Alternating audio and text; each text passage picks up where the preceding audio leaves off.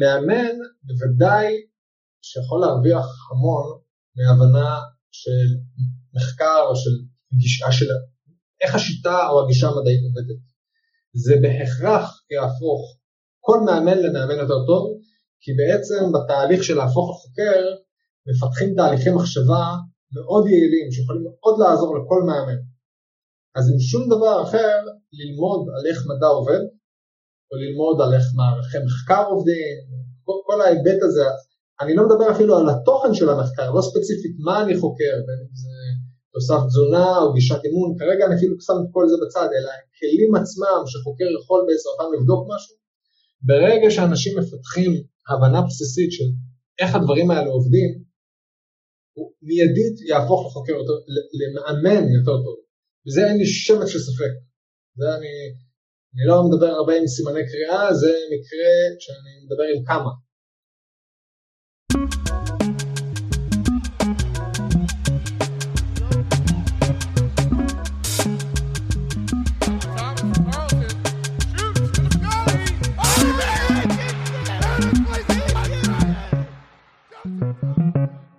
שלום לכולם וברוכים הבאים לפרק מספר 12 של לצאת מהקווים, מאמנים מדברים על אימון. אני עמית רחמילביץ'. אני גלעד ארמון. ואנחנו היום עם דוקטור ישראל הלפרין. מה נשמע ישראל? אהלן. אה, מה העניינים? טוב. ישראל בעברו היה מאמן אגרוף וקיקבוקסינג וגם עוד אומנויות לחימה אחרות.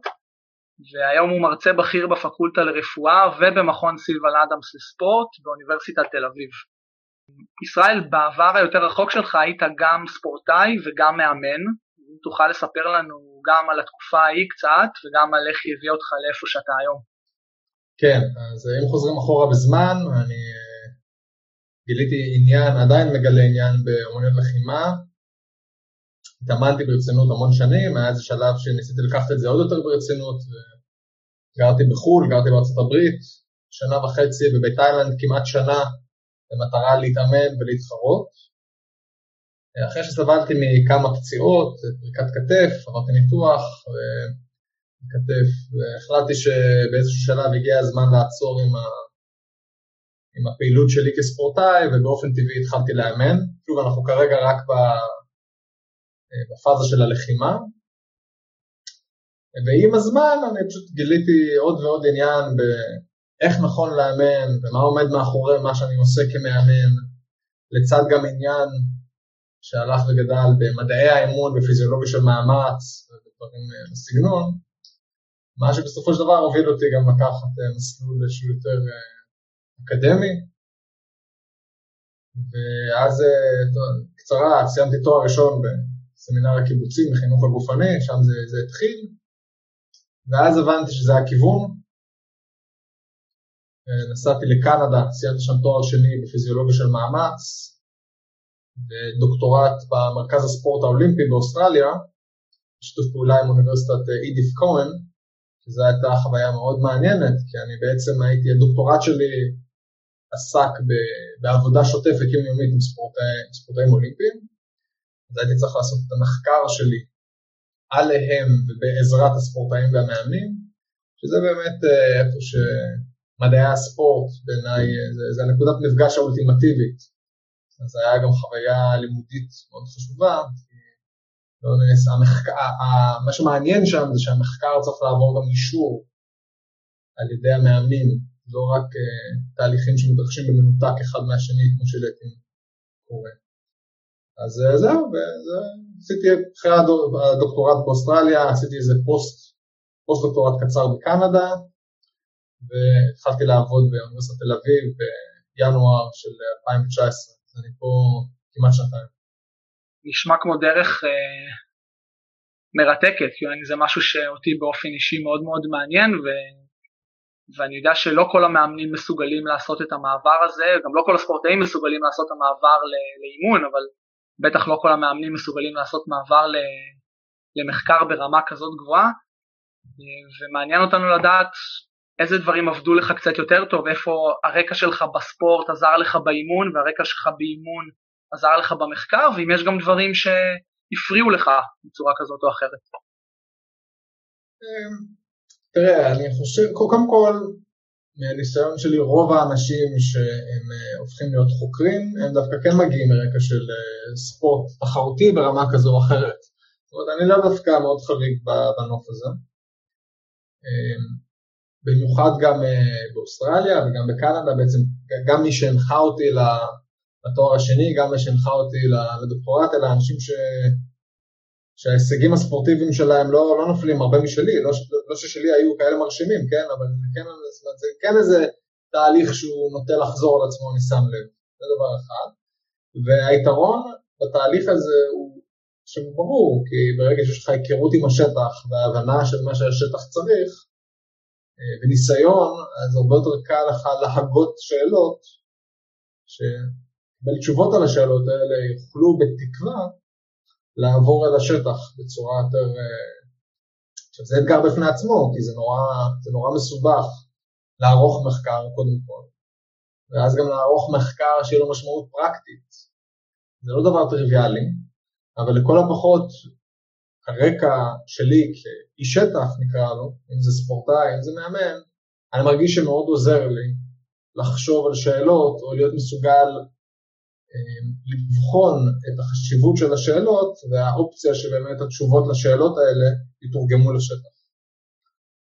אז אני באמת צריך לומר, זה, זה יתרון מאוד בולט, כמו גם היכולת לתקשר עם השטח, זה גם אה, נורא חשוב, לראות מה קורה. אה, לי באופן אישי מאוד חשוב לא, לא, להיות, לא, לא לעבוד מתוך מקום של בועה, אלא לראות מה באמת קורה בפועל, מה עושים. זאת אומרת, גם על בסיס הניסיון שלי, אבל הניסיון שלי הוא נעצר באיזשהו מקום, אז אני עדיין רוצה לקבל תחושה, אני עדיין כש, כשיוצא לי, למרות שזה אה, משהו שכבר כמעט ולא קורה, אבל אני עדיין עובד לפעמים כיועץ, גם בארץ, אני עדיין אה, עובד עם ספורטאים. ועדיין אני מנסה לקבל תחושה למה מה הדרישות, מה חסר, מה אפשר לבדוק, האם יש את הכלים בכלל לענות או לחקור שאלה בסגנון, וכן הלאה. מה מבחינתך עובד בחיבור בין העולם האקדמי לעולם המקצועי? ואיך החוויה שלך בממשק בין, ה, בין המאמנים ובין החוקרים או ה... כן, אמ, אני חושב שיש נתק. אה, אפשר להתחיל גם דווקא עם נימה יותר אופטימית, שאין ספק שחל שיפור. אין ספק שחל שיפור. אה, עוד פעם, צריך לי, אני גם לא רוצה לדבר במונחים אה, מוחלטים, כי זה נורא תלוי איפה, וזה תלוי מקרה וכן הלאה. אם אני מדבר באופן גס, אז כמובן שיש קצרים בתקשורת, במיוחד במדעי הספורט היישומי, נקרא לו, כן? מי שחוקר דברים יותר מכניסטיים של פיזיולוגיה של מאמץ, זה, זה, אין בכלל צורך שהוא ידבר עם המאמן, הוא חוקר דברים אחרים. אבל ברגע שאנחנו מדברים על ספורט, על מחקר ספורט יישומי, אז תקשורת שכזו היא הכרחית. וזה לא תמיד דברים שעובדים חלק. גם לא במקומות כמו אוסטרליה, במרכז הספורט האולימפי, שיש להם שם את, ה, את המקה של התחום. כי באמת אה, מאמנים ומדענים אלה אה, חיות שמדברות בשפה שונה. מאמנים רוצים תשובות עכשיו, הם חושבים כמעט אך ורק במושגים של אנקדוטות, שזה אגב לגמרי לגיטימי, הם עובדים עם בודדים, לא מעניין אותם עם זה, אפשר להכליל את זה הלאה. הם נותנים המון משקל לחוויות אישיות ולמה שהם צריכים לראות במרכאות עם העיניים. בזמן שמדענים לא חושבים בצורה כזאת לרוב, החינוך וההכשרה שמדען עובר היא שונה. דווקא לחשוב במספרים גדולים יותר, צריך הרבה יותר בקרה, הרבה יותר זהירות לגבי יכולת הסקת מסקנות, סיבתיות ודברים בסגנון האלו. ולא פעם יש פער מאוד משמעותי בתקשורת וביכולת של האחד להבין את השני. אז אה, כן, יש הרבה מה לשפר, ואני לא חושב שיש פה אשם אחד במערכה הזאת. מצד אחד, אה, מדענים לא פעם לא עושים את המאמץ הנדרש כדי להבין את הענף אותו הם רוצים לחקור, זה משהו שקורה כל הזמן, וזה באמת אה, טעות מצד החוקרים, במרכאות לשרוף קשרים עם אה, מאמנים או עם ספורטאים בכך שהם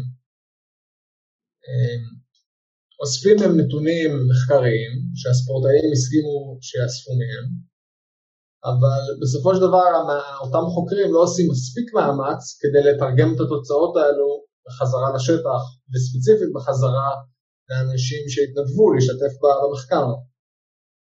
אז זו תחושה שחוזרת על עצמה לא פעם מהצד של המאמנים. זה משהו שאני אה, שמעתי לא פעם ולא פעמיים ממאמנים שנחוו, נחוו מחוויה שכזו. אז זה דבר... אתה יכול uh, לתת לזה דוגמה? כאילו למחקר שעלה מהשטח ולא חזר חזרה? זה לא משהו ספציפי, אבל למשל אם אני כעכשיו חוקר הצלחתי לגייס קבוצת ספורט כלשהי להשתתף באיזה ניסוי. בעצם אני גונב זמן יקר מאוד לאותו קבוצת ספורט, שצריכה להגיע למעבדה, שצריכה להקריב זמן אימון כדי להשתתף בניסוי וכן הלאה. הספורטאים והקבוצה והמאמן וכן הלאה, הם לא עושים את זה סתם, הם בצדק רוצים תמורה בעד השקעת זמן הזאת. ועל החוקר לתת באמת תרגום של התוצאות ספציפית חזרה אל הקבוצה, שהם יוכלו לעשות עם זה משהו. כי אחרת לכן, מה יצא להם מזה? ולא פעם החלק הזה של התהליך לא, לא מתקיים בצורה מספקת. וזה באמת יוצר איזה נתק, או חוסר רצון מצד המאמנים והספורטאים להשתתף בכאלה ניסויים, שזה אגב, שוב, לגמרי לגיטימי, אם אני לא יודע מה יוצא לי מזה, אז אה, זה, זה יכול, יש איזה עלות לדברים האלה. לנסוע למעבדה, להשתתף בניסוי, זה יכול להיות חצי יום עבודה, כן? או להקריב אימון בשביל זה, צריך לדעת שזה משתלם. ויש, זאת אומרת, באופן אישי אני מאוד משתדל, לא תמיד מצליח עד הסוף, אבל אני משתדל שמי שישתתף אצלי בניסויים יקבל משהו. ניתן לו איזה, איזה דף עם התוצאות שלו, ומה אולי הוא יכול, איך הוא יכול לפעול עליהם וכן הלאה. זה נורא חשוב שהתקשורת הזאת לא תיעצר ברגע שאיסוף הנתונים יסתיים. זה דבר אחד. דבר שני שלא פעם קורה זה שאנשי המדע לא פעם, עוד פעם, ואני מדבר בהכללות והמון פעמים דווקא זה כן קורה, יותר ויותר קורה, אבל עדיין אם, אם אנחנו עוסקים בביקורת, אז לא פעם לא עושים את המאמץ הנדרש להבין את הדרישות של השטח לפני שמתחילים מחקר. ואז מה שקורה, שעורכים מחקר, נשים רגע בצד איך, איך איסוף הנתונים אה, נעשה והאם זה חזר בחזרה אל השטח. פשוט השאלה עצמה היא לא באמת, אני אנסח את זה אחרת, הם עונים על שאלה, הם מספקים תשובה לשאלה שאף אחד לא שאל. למה בעצם שמישהו יתחיל מחקר כזה? זאת אומרת, מה האינטרס? זה לא שאלה בכך של אינטרס, זה פשוט מאוד חוסר השקעת זמן בלהבין את הצרכים המלאים של השטח. זה בעצם uh, תהליך יזמי, אני אמור לזהות בעיה אמיתית ולנסות לתת לה איזשהו מענה מחקרי? כן.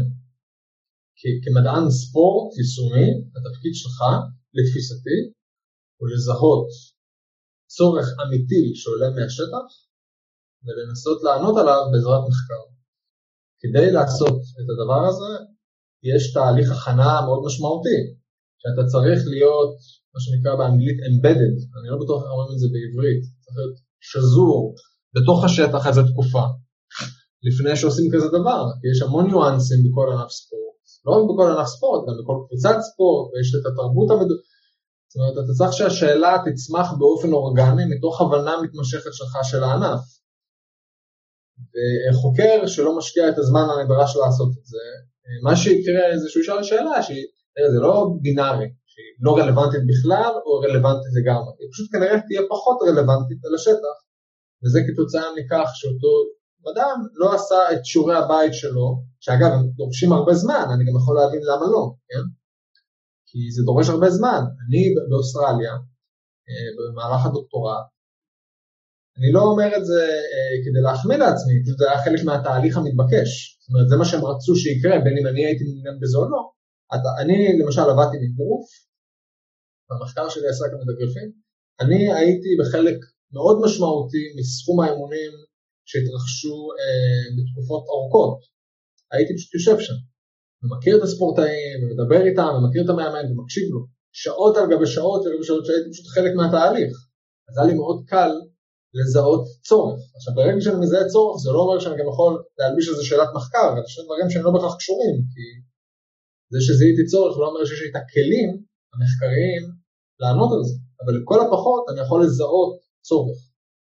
וזה, וזה משהו שדורש הרבה זמן, ולא פעם אתה רואה גם שמדענים לא, לא עושים את התהליך הזה בצורה מספקת.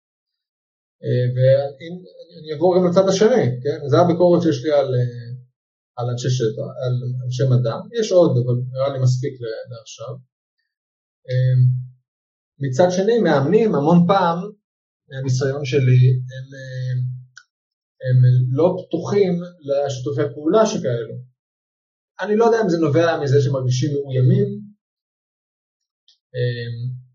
אבל גם לא פעם ולא פעמיים, גם מאמנים שמציעים להם בחינם, במקומות אחרים בעולם שהייתי, מציעים להם שירות של תמיכה מדעית, שזה גם קצת מושג מעורפל, כן? אבל עדיין מציעים, אוקיי, בואו נעשה שיתוף פעולה, אנחנו ניתן לכם אה, מידע קונקרטי, אה, איסוף נתונים שתוכלו לפעול עליו, אנחנו פה לעזור וכן הלאה, ומעדיפים שלא, הם יודעים הכי טוב, לא רוצים לערב אנשי מקצוע נוספים.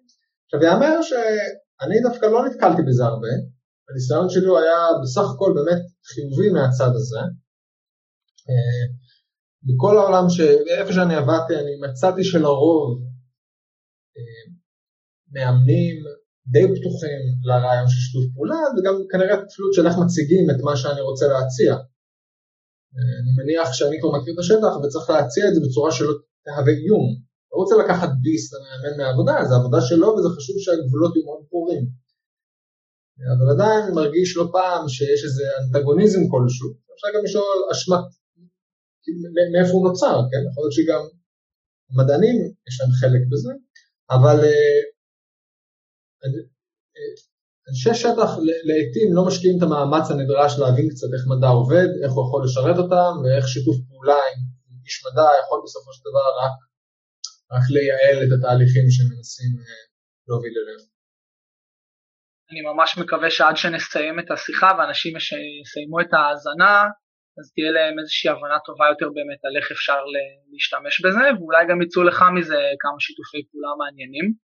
אה, אתה יכול אולי לספר קצת בקצרה בשנים האחרונות שאתה בארץ, אה, אם היו שיתופי פעולה כאלה, או איך היו, איך היו האינטראקציות שלך עם מאמנים? אמ, תראה, אני המון שנים עובד עם אה, כמה ספורטאים מענפי הלחימה בארץ, שהייתי מת אם הזמן היה מאפשר לי לעבוד איתם בצורה יותר צמודה, אבל פשוט מאוד אה, העבודה שלי כחוקר היא, היא אין לי זמן, אני לא, אין לי כמעט זמן לזה, אז זה לא קורה כמו שהייתי רוצה. אני עבדתי אני, אני עדיין עובד קצת עם אותם ספורטאים, אני מוצא שהם מאוד פתוחים ונכונים מענפי הלחימה, גם מהטקוונדו, גם ממוף תאילנדים, מאוד נכונים לקבל משוב, מאוד נכונים להתייעל, אה, ואני מצאתי שבסך הכל הספורטאים מהענפים האלו לפחות, כן, אני מסייג כי אני לא עובד עם הרבה ספורטאים אחרים מענפים אחרים, אבל הם בגדול מאוד פתוחים לרעיון של שיתופי פעולה. עכשיו מאז שחזרתי לארץ, כמו שאמרתי, אני עובד באוניברסיטה, אז שפחות זמן אה, לערוך כאלה שיתופי פעולה, אבל אני לא רואה שום סיבה למה שהם לא יתרחשו, במיוחד שיש עכשיו אה, תשתיות יותר אה, מוצקות להוציא כאלה שיתופי פעולה בפועל. מעניין. אני התחלתי ללמוד באקדמיה לפני שלוש שנים באוניברסיטה הפתוחה, וגיליתי, תוך כדי הלימודים, שיש דבר כזה מחקר לא טוב. שאני חושב שזה משהו שגם הרבה מהציבור עכשיו נחשף אליו עם ענייני הקורונה ודברים כאלה, אבל יש דבר כזה מחקר לא טוב. עכשיו אני אשמח אם תוכל לעשות לנו הדרכה קצרה, נקודות חשובות, שאם אני עכשיו כמאמן או מאמנים שמאזינים לנו, רוצים לחפש מחקר ורוצים לחפש מחקר טוב. זה לא חייב להיות איזה אמת מוחלטת, אבל לפי איך שאתה תופס מחקרים טובים ומה אתה מסתכל כשאתה מחפש מחקר טוב. תראה, זו שאלה שהיא קצת בעייתית, כי גם אני, אחרי שאני עמוק בתוך האקדמיה וערכתי כמות מאוד גדולה של מחקרים, עדיין אני לא תמיד מצליח לזהות מחקר שהוא במרכאות טוב או לא טוב, שזה גם בינארי, דברים שנעים על רצף, יכול להיות איכותי בהיבט אחד ופחות בהיבט אחר. אה, זה עולם מאוד מאוד מורכב, שכולל בתוך המון משתמעים, זה באמת תהליך שהוא אינסופי, להבין איזה מודלים סטטיסטיים עשו בהם שימוש, האם זה המודל המתאים, האם המערך מאפשר לי להסיק מסקנות כאלה או אחרות, זה בוודאי לא משהו שאפשר לומר בכמה משפטים. אה, אני חושב שמה שאני כן יכול להגיד זה שבעיניי מאמן רציני הוא כזה שיפתח מיומנות בסיסית באיך לפרש מחקרים, שזה לא בהכרח עבודה מאוד קשה, אבל זה כן עבודה. אומרת, זה לא משהו שאפשר לסיים מלקרוא בלוג, אבל לקבל תחושה למה, למה לשים לב אליו, זה משהו, ואגב, איך בדיוק לעשות את זה, אני לא יודע אם יש עוד מודלים מושלמים שנותנים את התשובה הזו למאמן, שהוא לא הולך להיות חוקר, אבל הוא כן רוצה להיות, לדעת מה קורה בעולם המחקר, יש כל מיני אנשים שעושים את הפרשנות הזאת, כל מיני בלוגים איכותיים יותר או פחות, או כל מיני uh, research digest כאלה, שלוקחים מאמרים ומתרגמים אותם לאנשי שטח. אני חושב שזה כיוון טוב לאנשי שטח, כי לנסות בעצמם להבין מודלים סטטיסטיים ומערכי מחקר, אני חושב שעדיף ש... עוד פעם, אם, אם לאותו מאמן ספציפית יש לו מוטיבציה לעשות את זה, זה אומר שהוא פשוט צריך לקחת כמה קורסים בשיטות מחקר ובמתודולוגיה ובסטטיסטיקה ולאט לאט לקרוא בעצמו או בעצמה, אני כמובן בעד. אבל לא יודע עד כמה זה יהיה מקרה מייצג, ולכן אה, הדברים הנכונים בשביל מאמן לעשות זה או לעטוף את עצמו באנשי, אה, אנשים שיכולים לעשות את זה זה בעצם סוג של אחד מהתפקידים של המדען ספורט, נכון? זה בעצם לתת איזה מין תמיכה רחבה, רוחבית, למאמן, שיכול לשאול אותו שאלות מסוימות, ואותו בן אדם יכול ללכת ולבדוק עבורו, ולעכל קצת, לתת איזה מין שורה תחתונה, שאותו מאמן לא רוצה עכשיו לדחות האם הניתוח הספציפי הזה הוא הנכון ביותר. אז כמודל אה, המשכי, נראה לי מה שמאמן יכול לעשות זה שייצר איזה ערוץ תקשורת, מישהו שכן יכול לעזור לו עם הפרשנות של מחקרים ויכול לעזור לו עם ההבנה שלהם, או לחילופין לעשות מנוי או פשוט לעקוב אחרי כמה בלוגים, שזה אני מעריך מה שהרוב עושה, שעושים את זה עבורם, שנותן להם את השורה התחתונה. כמובן שיש לזה עלות, כן? כי יש הרבה, זאת אומרת, תמיד עדיף לצרוך את המחקר באופן ישיר, מבלי שהוא עבר כל מיני תהליכי עיכול כאלו או אחרים, אשר יכולים מאוד uh, להטות את התוצאות למקום כזה או אחר כתלות של מי שעשה את התהליך הזה. אז, uh, אז יש פה, יש עלות, מה שאני מציע, אבל לבוא ולומר מחקר טוב הוא X או Y זה, זה אין איך, רק נדבר על מה, מה, מה, תת מערך מחקר ויש אין סוף וריאציות של איך שופטים אותו, שגם אני לא תמיד יודע איך לעשות את זה, כי זה באמת תהליך מאוד מורכב. אז איך בכל זאת מאמנים יכולים לדעת אם, אם מה שהם קראו יכול להיות שימושי להם, או הם יכולים להאמין לו במרכאות? זאת אומרת, אני, כש, אני בעבר הייתי בכמה קורסים או השתלמויות ש, שהעברת כשהיית בארץ, ואחד הנושאים שהכי נשארו אצלי אה, זה הנושא של היררכיית ראיות. כי לדעת על מה אפשר להסתמך קצת יותר כשכבר קוראים מחקר. זה גם, אפילו אותו הסוגיה של ערכת הרעיון, גם היא לא תמיד תהיה בהכרח הכי רלוונטית למאמן. אתן לך דוגמה, למשל יש מערך מחקר שקוראים לו מטה-אנליזה. מטה-אנליזה זה מין מערך מחקר שאני, אפשר לחשוב על זה כעל מכונה גדולה כזאת, שאני זורק לתוכה המון מספרים, שמגיעים ממחקר, מכל המחקרים שאני מצליח לזהות שעוסקים בסוגיה מסוימת. אני זורק סתם מהמותן, האם אימון פליומטרי משפר גובה ניתור בקרב אוכלוסיית נערים. אז אני כמחבר המטה-אנליזה הולך ומחפש את כל המחקרים שאני מצליח למצוא שעוסקים באימון פליומטרי וההשפעה שלו על גובה ניתור לטווח גילאים כזה וכזה. אני הולך ודולה את כל המספרים את הקפיצה, את הגובה ניתור לפני, את הגובה ניתור אחרי, אני מכניס את ההפרשים לתוך המכונה הזאת. מסובב את הגלגלים של המכונה ונותן לי איזה מין פלט סופי שמסכם את כל, המח... כל המחקרים על הנושא המסוים, כל הניתוחים הסטטיסטיים שלה, ונותן איזה מין פלט סופי לגבי עד כמה אימון פלואומטרי יעיל לשיפור גובה שזה באמת הנחשב במשולש הזה של ההיררכיה, בדרך כלל ממקמים את המטה-אנליזות בחלק הכי עליון של, ה... של הפירמידה, כי היא באמת עושה סיכום על של כל המאמרים על נושא מסוים. אה, אבל מה, אם אני למשל מאמן של ספורטאי עילית ויש לי אה, עכשיו שחקן כדורסל בן 28 אה, ברמת עילית, האם המסקנת, האם אני יכול באמת לגזור מהמטה-אנליזה הזאת ספציפית לאותו שחקן? המטה-אנליזה עסקה בנוער, ילדים בני, לא יודע, 14 עד 17, יש עוד המון פקטורים שיכולים להשפיע על, ה, על התוצאות שקיבלנו, הם צעירים, הם לא היו ספורטאי עילית, עדיין יש אפקט בולט, אבל עד כמה האפקט הזה רלוונטי לספורטאי עילית בן 28? יכול להיות שכן, יכול להיות שלא, אבל uh, עדיין העובדה שאנחנו ממקמים מערכי מחקר בהיררכיה שכזו, יש לה, לפעמים יש לזה ערך ולפעמים צריך גם להתייחס לזה בזהירות. עוד דוגמה, מה שנכנס לאותו מכונה, למטה-אנליזה, יש לנו מכונה גדולה, אנחנו שופכים לתוכה את כל המספרים שדלינו, אה, שעוסקים בסוגיה מסוימת. קודם כל, יכול מאוד להיות שהמחקרים עצמם באיכות לא טובה, זה משהו שקורה לא מעט. אה, לצורך העניין, המערכי אימון היו לחלוטין לא מייצגים, או לחלוטין משהו שלא משקף שום דבר שקורה בשטח. שנות אור במרחב. עדיין אני יכול לעשות מטה-אנליזה, ועדיין המטה-אנליזה תצביע על כיוון כזה או אחר. עכשיו, עם כל המחקרים, אני מקצין, אבל רק להמחיש את הנקודה, כל המחקרים שנעשו, המערכים, המערכי אימון היו כל כך רחוקים ממה שקורה בשטח, אז אין פרקטית המון משהו שאני יכול לפעול עליו על בסיס המטה-אנליזה הזאת כמישהו שעושה שימוש במערכי אימון אחרים לגמרי.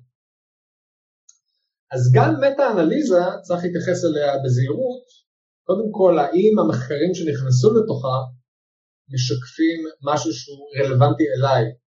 וזו שאלה מאוד עדינה שצריך גם לדעת לקרוא מטה-אנליזה כדי להיות מסוגל לענות על זה.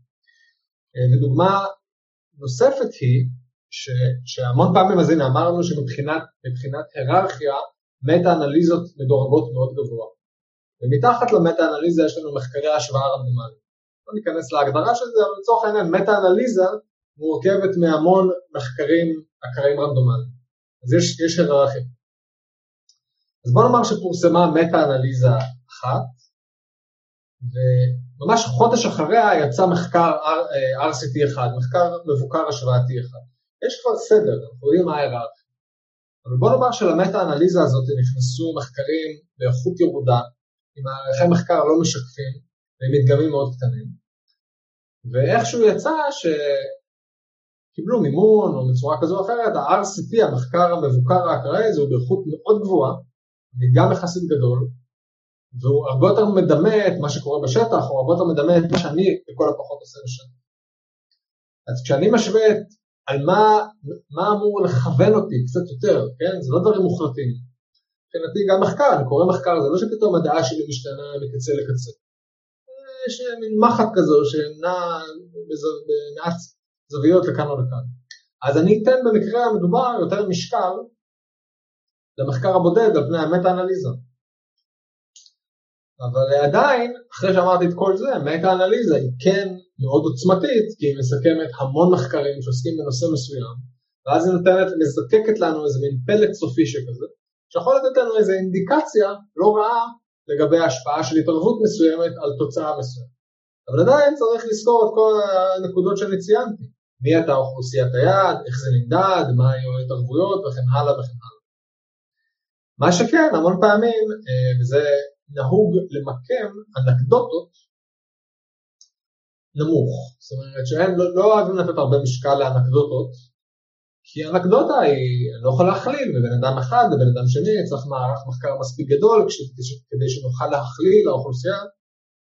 מה שכן, לספורטאי הישג, אני לא ברור, לא, לא ברור לי עד כמה היררכיה כזאת היא תקפה.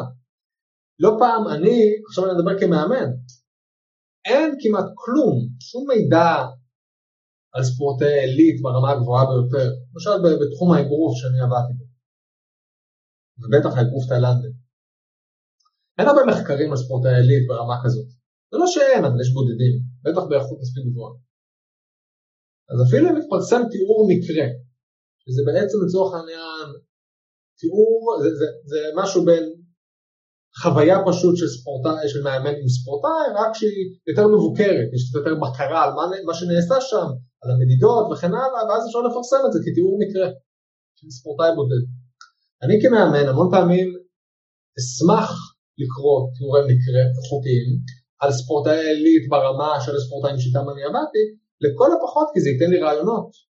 אז במובן הזה זה מאוד רלוונטי לי. זה לאו דווקא שאני יכול להכליל מספורטאי במקום אחד וספורטאי במקום אחר, אבל לא תמיד זו צריכה להיות השאיפה. שאיפה גם יכולה להיות לקבל רעיונות. אז גם נשאלת השאלה, מה בעצם אני רוצה להוציא מהמחקר? האם זה בהכרח להכליל ממה שנעשה בקבוצה אחת לקבוצה אחרת, או אולי זה גם יכול להיות תרגיל לקבלת רעיונות. הסברת עכשיו בצורה ממש ממש טובה את כל מה שמי שלא ירצה להשתמש במחקרים יסביר כדי שהוא יוכל לא להשתמש במחקרים ובכל זאת אתה דוקטור ופרסמת עשרות מחקרים והמטרה שלך זה גם לעזור לאנשים להבין איך אפשר להשתמש במחקר כדי להיות מאמנים טובים יותר. אז מה הצד השני של, ה, של כל הדברים שאמרת עד עכשיו? זאת אומרת, למה שמאמן בעצם כן ישתמש במחקרים אם מטה-אנליזות לא תמיד משקפות את הנקודה ותיאורי מקרה דווקא כן יכולים uh, לעזור? כן. אה, הצד השני של זה הוא די, די בעיניי ברור, כי בסופו של דבר כן יש מחקרים באיכות גבוהה. זאת אומרת, צריך להיזהר עם החשיבה הדיכוטומית. יש את הצד, יש מטה-אנליזות באיכות נמוכה, עם מסקנות לא רלוונטיות, שאני לא יכול ללמוד מהן הרבה, ויש כאלה שכן. אז הסוד הוא פשוט למצוא את אלה שכן, כי בסופו של דבר, מחקר איכותי יכול מאוד לשרת את המאמן, יכול לתת לו רעיונות, זה יכול לתת לו כיווני, כיווני מחשבה שהוא לא חשב עליהם, וזה מידע שאם הוא נאסף בצורה איכותית, אפשר באופן יחסי לסמוך עליו, שהוא אמין ויציב ומשקף. אז נכון שאנחנו תמיד מתעסקים פה בתנאי של אי ודאות. אין שום, שום מחקר שאני יכול, או אדם אני אסייג, לעתים מאוד רחוקות אני יכול לדבר עם סימני קריאה. אבל ככל שמצטבר גוף ידע שעוסק בנושא מסוים, והתוצאות בו הן למשל עקביות וברורות, ויכולות להיות רלוונטיות עבורי, זה יהיה אה, לא הגיוני לא להשתמש במידע הזה שנוצר בתנאי מעבדה, או לא בתנאי מעבדה, כן? מחקר לאו דווקא חייב להתרחש בתנאי מעבדה, הוא יכול גם בשדה. ויש המון מחקר במדעי האמון שהוא מאוד איכותי, שאפשר לפעול עליו ולהשתמש בו. פשוט צריך לשקלל אותו עם כל המגרעות שבו, כי אין פה דבר ש... וברגע שמנסים להציג משהו כ- כחסר uh, בעיות, שהוא רק, רק טוב או רק רע, אז אנחנו נתקלים בבעיה. במחקר יש את היתרונות והחסרונות שלו, כמו שגם להסתמך אך ורק על ניסיון בשטח. בפרק 2 אה, אירחנו את שני הרשקו, מאמן נבחרת הג'ודו נשים, ויש לו גישה לכל, ה... לכל מיני צוותים, ויש לו צוות מקצועי מאוד גדול, והוא נגע בסוגיה של ניהול פציעות. שיש אה, בה פיזיולוג, ו... או מישהו שאמון על החזרה מפציעות, ומציג לו את הדעה שלו, אבל בסוף הוא כמאמן שומר לעצמו את האפשרות להחליט על השיקום, זה ככה, על סמך הניסיון שלו ואיך שהוא רואה את המצב ואיך שהוא מרגיש את הספורטאי. אה, אני אשמח לדעת אה, אם נתקלת במצב כזה, ומה, איפה, ה... איך מאזנים בין תפיסה מחקרית לחוות דעת מקצועית של מאמן. כן, זו שאלה נפיצה. אה, תראה, בגדול אני לגמרי לא, לא מתרגש מהרעיון שהמאמן הוא זה שמקבל את ההחלטות הסופיות בחלק מאוד גדול מהמקרים, כן? Uh, הדברים האלה מתחילים להיות יותר מטושטשים כשזה מגיע לדברים רפואיים, כן? כי אז איפה נמתח הגבול? Uh, מישהו יש uh, מחלה מאוד ברורה ומאובחנת, האם זה עדיין התפקיד של המאמן להחליט מה לעשות עם זה? יש פה איזה גבול שכמובן זה, חורג מתחום האחריות של המאמן ועל זה אין בכלל שאלה. ויש שאלות שזה, וההפך כאן, יש שאלות שזה ברור לחלוטין שזה החלטות של המאמן ולא של אף אחד אחר, מאמן עדיין יעשה בחוכמה אם יקבל חוות דעת נוספות לפני שהוא מקבל את ההחלטה, אבל אין ספק שבהמון מקרים זה כן קבלת ההחלטות הבלעדית של המאמן. ויש מקרים שהם כנראה יותר עמומים קצת, כן? שאפשר להתווכח עליהם. לגבי הפציעות, אני, תראה, קשה לי מאוד לענות על זה. אגב, זו לא שאלה שאני רוצה להתחמק ממנה, פשוט באמת זה תלוי מקרה. יהיו מקרים, אני מניח, בשיקום שיש פרוטוקולים, אפרופו מחקר, מאוד ברורים, מאוד חזקים, אה, שנחקרו בצורה מאוד עמיקה גם על ספורטאים. אז אם יש פרוטוקולים כאלו, אז אני חושב שזה די ברור שהמחקר צריך להכתיב, או, או, או כיוון מחקרי אמור להכתיב את הפרוטוקול באופן גס. אה, אז במקרה כזה אני אתן יותר משקל דווקא למש... לפיזיותרפיסט או לאורתופד, כן? אה, אם זה שאלות יותר עדינות, כמו אוקיי, כואב לספורטאי, כואבת לו קצת הכתף, לא משהו רציני, האם להתאמן היום או לא, יש תחרות עוד שבועיים. אלה שאלות הרבה יותר עדינות, כן? פה כמובן המשקל של המאמן, אגב ושל הספורטאי, יקבלו יותר, אה, יותר כובד. אז זה תלוי מקרה, אני מתקשה להגיד לך בדיוק איפה הגבולות האלה נמתחים, מתי זה כן ומתי זה לא, ומתי זה גבולי. ולכן אני לא אעשה את זה, אבל לפחות כן אני מכיר בעובדה שיש את הגבולות האלו, ואני גם מדבר לכם כמאמן, כן? אני, זאת אומרת, לאו דווקא כחוקר. לי יש את היתרון שאני יכול לחשוב גם, כ, גם כמאמן, שאני עבדתי עם המון ספורטאים, גם, גם כמאמן הכושר וגם כמאמן הענף, וגם כמישהו שעבד בתמיכה המחקרית, שלא עשה לא את זה ולא את זה. אז אני מכיר, אלה נקודות, זה, זה סוגיות עדינות שהן כל הזמן בתנועה, זאת אומרת זה לא שאפשר לקבוע מראש אוקיי, מפה ואילך זה הוא ומשם ואילך זה, זה, זה המאמן. אה, אז כן, זה, זה בערך התשובה שלי. אני לא, לא מתרגש יותר מדי ממה שנאמר, אולי פר מקרה אני אולי, לא, אולי הייתי מסכים, אולי פחות. ובהמשך לזה, גם כי אני מנסה לכוון את עצמי קצת כשאני מאמן לדברים ש, שהמדע או שהמחקר אומרים ש, שאנחנו כבר יודעים שהם עוזרים, אה, וגם כי אני חושב שמאמנים ברמה הגבוהה צריכים להיות מסוגלים לקבל מידע גם משם. אה, למה בעצם נורא קשה לנו להביא את, את המחקר או את המדע אל תוך השטח? זה בגלל, ש, זה בגלל שהמחקר עדיין לא מספיק איכותי, זה בגלל שאנשים אה, אולי מפחדים שתשתנה דעתם, אה, זה בגלל שיתוף הפעולה כמו שהזכרת קודם בין מאמנים למדענים, מה מהניסיון שלך הוא כבר די רחב בנושא, מה אנחנו יכולים לעשות אחרת או למה זה לא עובד בינתיים. אבל למה אתה אומר שזה לא עובד? כי אני חושב ש... מהניסיונות שלי וראיתי די הרבה מאמנים לאחרונה ואני מקשיב להרבה מאמנים אז אני מרגיש התנגדות גדולה. עכשיו אני יכול להיות שאני פשוט לא מכיר את כל המאמנים שכן משתמשים בזה ומיישמים את זה אמ, ואולי אני פה חותר קצת ב... באיזושהי אמירה של רק מי שאני מכיר לא עושה אז אולי זה באמת מה שקורה. בגלל זה אני שואל מהניסיון שלך. אבל מה זה אומר לא עושה? לא עושה מה? המדע כבר יודע להגיד איך, איך כדאי ללמד כדי שהלמידה המוטורית תתפתח בצורה קצת יותר טובה. למשל, יש, יש עקרונות מסוימים או דרכים מסוימות שאפשר להסביר או לכוון ספורטאי, אבל הם לא הפכו להיות נחלת הכלל. Okay. אוקיי. ואם במקרה שמעת על זה אז, אז כן, ואם לא שמעת על זה אז... אוקיי, okay, אז בחרת דוגמה מאוד מעניינת אה, אני גם באמת נוטה להסכים, זה נושא של למידה מוטורית כתחום, או skill acquisition, רכישת כישורים, שזה באמת אה, תחום שמאוד מתקדם, שיש תוצאות יחסית חזקות, שבאמת לא נראה ש... שמוטמע בשטח בצורה מלאה. זה נכון, זה אני נוטה להסכים למרות שגם פה אני יכול קצת לסייג, כן? כי אם אנחנו ניכנס לעומק של המחקרים ואיך הם זאת אומרת, זה, זה, זה לא, המון מה, מהספרות על למידה מוטורית היא לאו דווקא כזו שמשקפת מה שקורה בענפי ספורט. אבל אחרי הסייג הזה אני מסכים איתך שבגדול זה נכון שיש לנו כבר גוף ידע מספיק קונקרטי שאפשר לנסות להיעזר בו בשטח וזה לא משהו שקורה.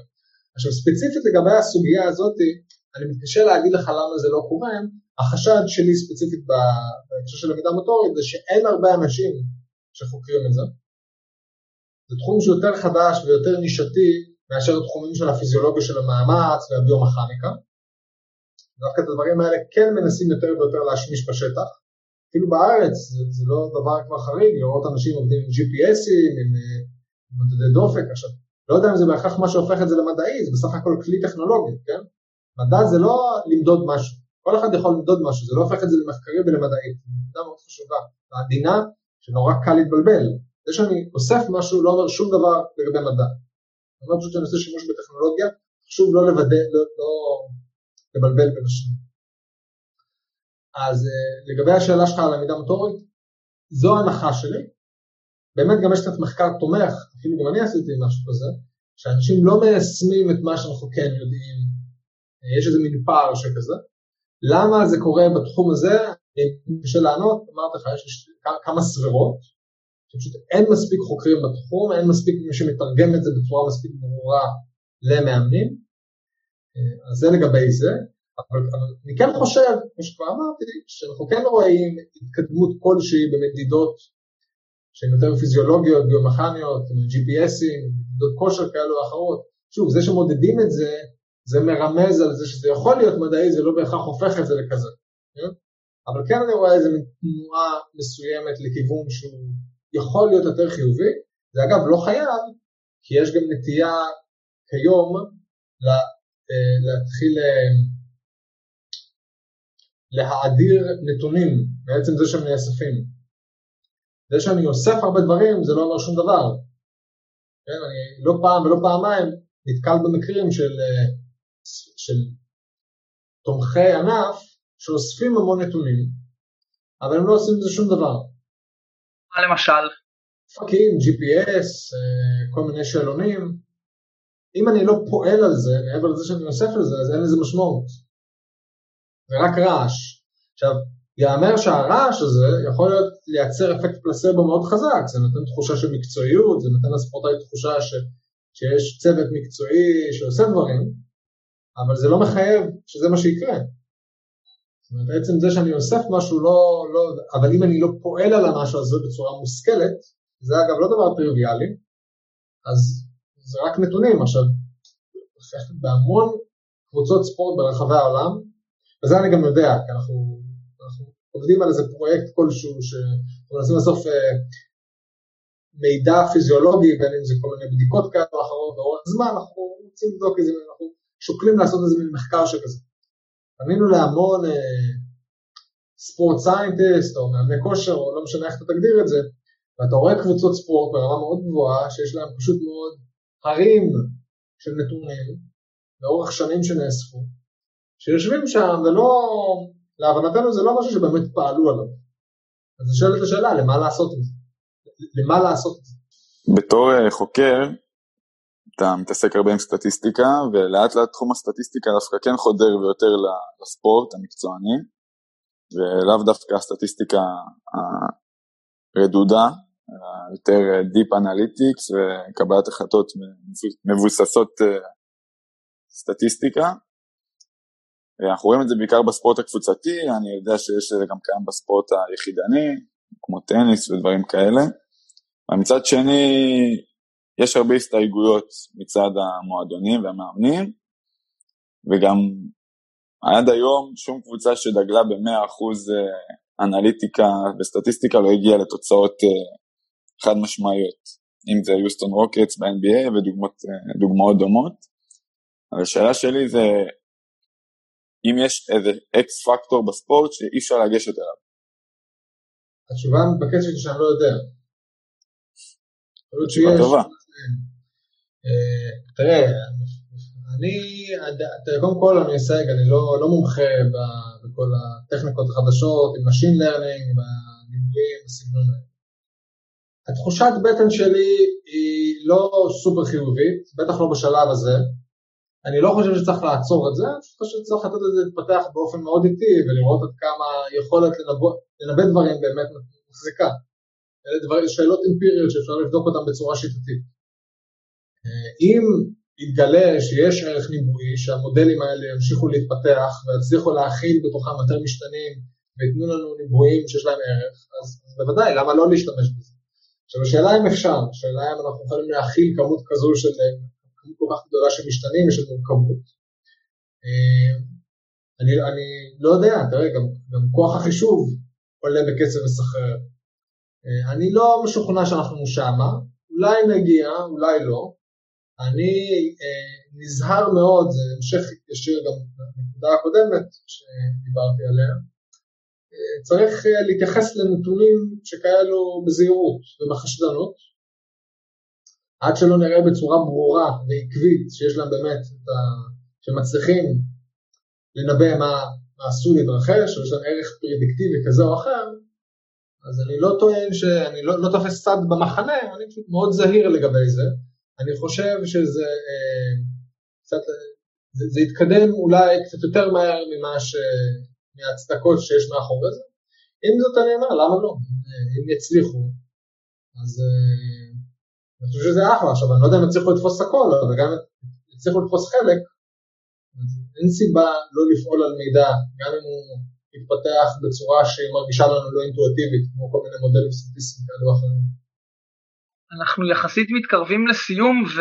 ויש משהו שמאוד חשוב לי ש... שנצא איתו מהשיחה הזאת. אני יכול להגיד שבאופן אישי אני, אני גם מכיר את ה... יחסית את המחקר שלך וגם ישבתי אצלך בכמה קורסים ואני יודע שאתה אה, בן אדם מאוד אה, מדויק שחשוב לו תמיד גם להציג את שני הצדדים אה, וזה לא ברור מאליו. זה לא ברור מאליו שאתה חוקר וזה מה שאתה מתעסק בו ואתה כל הזמן דואג להזכיר לנו למה גם מחקר יכול להיות אה, לפעמים לטעות אולי או להיות לא מדויק.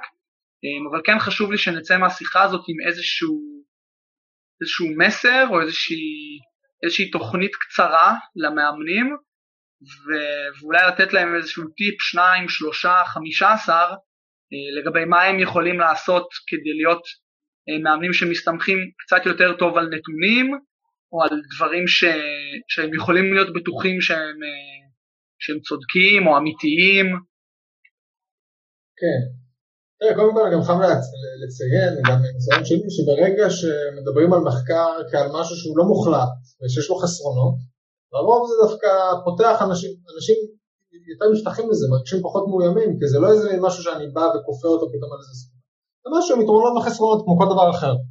עכשיו, אה, מאמן בוודאי שיכול להרוויח המון מהבנה של מחקר או של גישה של איך השיטה או הגישה המדעית עובדת. זה בהכרח יהפוך כל מאמן למאמן יותר טוב, כי בעצם בתהליך של להפוך לחוקר מפתחים תהליכי מחשבה מאוד יעילים שיכולים מאוד לעזור לכל מאמן.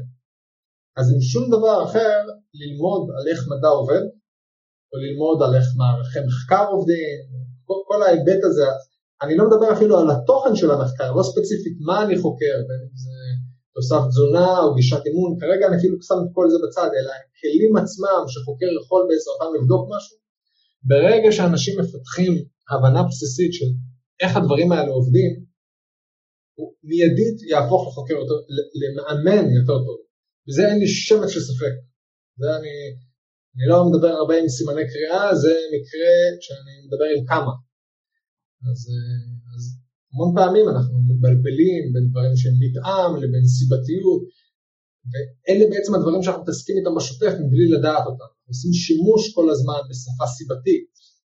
נפצע בגלל שרגע, אתה בטוח שיש קשר סיבתי, לא? אה, וגם מה שמחקר, בכלל העולם המדעי עוזר לנו אה, להבין יותר טוב, זה להתמודד ולהכיל אי ודאות. ומאמנים הם אנשים שיותר קשה להם להתמודד עם אי ודאות, בדרך כלל מאמנים אנשים שמדברים בצורה הרבה יותר נחרצת. עכשיו יש לזה לפעמים יתרונות, כן? אתה לא, מאמן טוב זה לא בהכרח בן אדם שכל הזמן צריך לסייג, ואולי ככה, אולי ככה, צריך גם לקבל החלטות כמובן, כן? אבל להכניס את המימד של החוסר ודאות לתוך קבלת ההחלטות, זה תהליך שהוא מאוד חשוב למאמן, כי זה פותח עוד, עוד אופציות. לפני שמקבלים החלטה, לפני שננעלים על משהו בצורה שהיא המון פעמים יותר מדי מהירה. מה שנקרא מחפשים יותר מדי מתחת לפנס. זה תהליך של קצת אה, לעצור ולאמץ אי ודאות ולהבין שאנחנו עובדים בבני אדם, בעולם כאוטי לחלוטין, ומאוד קשה לנו אה, להצביע בצורה ברורה על סיבה ותוצאה, יש המון רעש בתוך המערכת. ולהכיר ברעש הזה זה בסדר, זה חשוב, כי זה בעצם משאיר לי איזה מין ואקום לבחון אופציות נוספות, לפני שאני מקבל החלטה. והמון מאמנים יפיקו מזה. שוב, זה לא, זה לא הכל או כלום, כן? אני לחלוטין מבין את הצורך לדבר בצורה אסרטיבית וכל הדברים האלה, זה לא סותר. אפשר לעשות אחד ואת השני ולהכיל יותר מקום של אי ודאות, בעיניי זה הכרחי. זה בלתי תלוי בנקודה הקודמת, אבל יש ביניהם קשר מאוד הדוק. זאת אומרת, יש את החשיבה המחקרית מדעית, שאני מעודד מאמנים לעשות את זה, ויש כל מיני דרכים לעשות את זה, פשוט אפשר לקרוא לזה קצת ספרים, לקחת קורסים מקוצרים שיש בימינו מציעים. אני העברתי עד, אתה לקחת אצלי גלעד, את הקורס שהעברתי על חשיבה, על אה, איך קראתי לקורס, אני כבר לא זוכר, חשיבה, אה, עשייה מבוססת. עשייה מבוססת ראיות. זה האינדיקציה לכמה אני עסוק, שכחתי כבר מה עשיתי. אה, אבל קורסים בסגנון האלו, ויש עוד ועוד מהם, כן? גם בארץ, גם אפשר לקחת קורסים באינטרנט, התחלת לקרוא על זה, לקבל טעימה של איך התהליכים האלה עובדים, התרומה תהיה מיידית. אני מציע למאמן להשקיע המון זמן דווקא בתהליך הזה, ללא תלות בתוכן. בעצם זה, זה, זה שקול ל... אם יש לי שלוש שעות לנסר עץ, אני אשקיע שעתיים פלוס להשחיז אותו. זה בדיוק זה, כי ברגע שאז אני אגש לסוגיה שעוסקת בתוכן, יהיה לי הרבה יותר קל לעמוד אותה ולהבין עד כמה היא רלוונטית אליי, אם בכלל. אז יש לנו את זה, יש לנו את לאמץ את האי ודאות, כי בסופו של דבר זה יעזור למאמן, ישאיר עוד חלל, לקבל, לבחון עוד אופציות. ובאמת לעבוד, בארץ יש יותר ויותר, אני רואה, אני שם לב, אנשים שמבינים את, המדע, שכמוך, כמוך ואחרים רבים, אני רואה שבסופו של דבר יש מגמה חיובית, יש uh, ניצנים של מדע ספורט בארץ, והנה אנחנו ממש בשנה הקרובה אנחנו פותחים לראשונה, לא בדיוק לראשונה, היה פעם תוכנית כזאת, אנחנו פותחים אותה אחרי המון שנים, תואר שני בפיזיולוגיה של מאמץ, וזה היה נפלא לראות שאנשים uh, טיפסו על ההגדרות. להתקבל לתוכנית הזאת, זאת אומרת, אנחנו נמצאים במקום טוב בהקשר הזה. אנחנו גם עוד מעט נכשיר פול גדול של אנשים שיוכלו גם להיכנס לתפקידים כאלו, אנשים שעכשיו חזרו גם לחו"ל, אז למאמן הישראלי אני אומר, תזהה איזה מישהו כזה ותיצור איתו קשר, כי בסופו של דבר אנשים שמגיעים מהרקע יותר מדעי, הם לרוב נורא נהנים לענות על שאלות. אני רואה גם אני שאני מקבל שאלות במיילים, ממאמנים, אני עונה להם. וזה קורה לא פעם, כי אני אומר, אה, הנה, מישהו קרא את המחקר שלו, רוצה לפעול עליו בשטח, זה מחמיא, אני בעד. אז לשאוף לייצר שיתופי פעולה עם מישהו שמגיע מרקע קצת יותר מדעי זה משהו שיכול לעבוד, ואני גם חייב לציין שפונים אליי לא מעט קבוצות ספורט, רוצים לעשות שיתוף פעולה מחקרי, שזה גם בעיניי סיממן חיובי. אז העצה השלישית הייתה לחפש איזה מין שיתוף פעולה שכזה, מישהו שיכול לתמוך, המון גם אנשים שרוצים לבוא מהתחום היותר מדעי, אין להם עוד עם מי לשתף פעולה, אז זה יכול להיות איזה מין אה, הזדמנות לשני הצדדים. וגם עכשיו בהקשר של התוכן, אני לא מציע למאמן להימנע מלקרוא ספרות מקצועית. להפך, אם המאמן רוצה ומרגיש את היכולת, בוודאי, אני מציע בחום, יש גם כתבי עת מדעיים שהם אה, עוסקים יותר בסקירות ספרות, עוד פעם שעושים את המטה-אנליזות האלו, אז אפשר לקבל איזו מין תחושה ראשונית לגבי איך לקרוא אותם ולנסות לקרוא, אני, אני כמובן בעד. יש אבל כל מיני uh, אתרים ובלוגים שאפשר לעשות להם איזה מין מנוי חדשי שעושים חלק מהתהליך הזה עבור המאמן, אני חושב שאלה פתרונות לגמרי לא רעים של מאמן, שיעזור לו לדעת מה קורה, שיהיה זרם של אינפורמציה מדעית, שבתקווה עברה עיבוד על ידי איש, איש מקצוע עם רקע מתאים, זה יכול לתת רעיונות נוספים למאמנים שפשוט מאוד אמורים ברוב הזמן להתעסק עם ההיבט הטכני והטקטי של הענף. יש עוד כל כך הרבה פרמטרים חשובים, התאוששות, אימוני התנגדות, מתיחות, תזונה וכן הלאה. כמובן שמאמן לא, לא יכול ולא צריך בשום צורה, זה בעיניי כבר מתחיל להיות... מאמן צריך לדעת מה גבולות הגזרה שלו. מאמן שלא יודע את זה הוא מאמן בעייתי. מאמן הוא לא פיזיותרפיסט, הוא לא תזונאי, עדיף אה, להיעזר באנשי מקצוע נוספים, או לכל הפחות גם להיעזר בספרות מתורגמת כזו או אחרת, כדי לעזור כאיזה מערך תמיכה נוסף. אלה אני חושב עיקר העצות שאני יכול לחשוב עליהן כרגע. ממש מקווה ש, שכל מאמן בארץ ישמע את הדברים האלה, אני יודע שלי זה עזר מאוד בשביל להתפתח ב, בתחום של האימון, וזה זה גם באר שהיא, אפשר להגיד שהיא ללא תחתית בצד הטוב של המילה. ללא תחתית, ללא תחתית. אפשר למצוא הרבה מאוד, אה, הרבה מאוד דברים להשתפר בהם תוך כדי, נראה לי שכולם יעריכו את זה שנרצה להשתפר. אה, אנחנו לפני סיום ובגלל שהסגר בא עלינו לטובה וסגרו את כל המסעדות אז אנחנו צריכים גם טייק uh, אווי אז אנחנו נשאל אותך עכשיו uh, כמה שאלות ואנחנו נרצה שתענה עליהם uh, במשפט או שניים דברים שכבר עברנו עליהם ונרצה ש, שמי שאין לו זמן בכלל ורוצה רק לשמוע את הסוף יוכל בכל זאת לצאת עם איזשהו מסר מה, מהפודקאסט הזה. אז השאלה הראשונה במשפט אחד או שניים מהו מחקר טוב? צריך לחשוב במשפט אחד או שניים איך עונים על כזו שאלה, ואני לא בטוח שאני אצליח. לא, אני... כל תשובה שאני אנסה לתת לך, אני לא ארגיש את הטוב, אז אני אעדיף לוותר על השאלה הזאת. תרצה אולי להגיד במשפט אחד או שניים מהו מחקר לא טוב? איך מזהים כזה? אה, כן, זה אולי קצת יותר קל. קודם כל שיש חוסר הלימה בין המסקנות של המחקר לבין איך שהוא נערך, לבין התוצאות. פרשנות מעוותת של התוצאות. אה, יכול להיות שההתערבות לא מדמה שום דבר, זה לא דווקא אינדיקציה לזה שהמחקר היה רע, זה פשוט שאין לי מה לעשות. ניתוחים סטטיסטיים לא מתאימים, ממש בכל שלב ושלב של המחקר אפשר לזהות היבטים שהם טובים או רעים יותר, האם המבוא מוטה ומשקף את מה שנבדק, האם הדיון משקף את התוצאות, האם הניתוח היה מתאים כדי לענות על שאלת המחקר? האם שאלת המחקר התאימה לענות על השאלה? יש פה כל כך הרבה אינטראקציות שונות בין שלבים שונים של המחקר, והכי חשוב כמובן זה שבאמת תהיה הלימה מאוד ברורה בין המסקנות של המחקר לבין מה שנעשה במחקר, אם זה המערך והניתוח. בגדול, אני יכול להגיד כזה דבר, שבשביל להבין אם, אם המחקר הוא במרכאות טוב או לא טוב, כל מה שצריך לדעת זה מה היה המערך, איזה ניתוח הם עשו שימור, באיזה ניתוח הם השתמשו ומה היו התוצאות. כל השאר, כל הלפני ואחרי זה פרשנות של החלק הזה, זה החלק הכי חשוב. אה, ובאופן אבסורד זה, אבסורד זה החלק שלרוב אנשים מדלגים עליו. נורא קל להגיע לסוף, מעכלים לנו את מה שנעשה שם, ולא פעם ולא פעמיים אנחנו נראה חוסר הלימה בין הפרשנות של המחקר לבין התוצאות של המחקר. אז אלה, הרעיון הוא שזה בסך הכל מורכב ואין תשובה שהיא חד משמעית. אני ממש שמח ששאלתי את זה.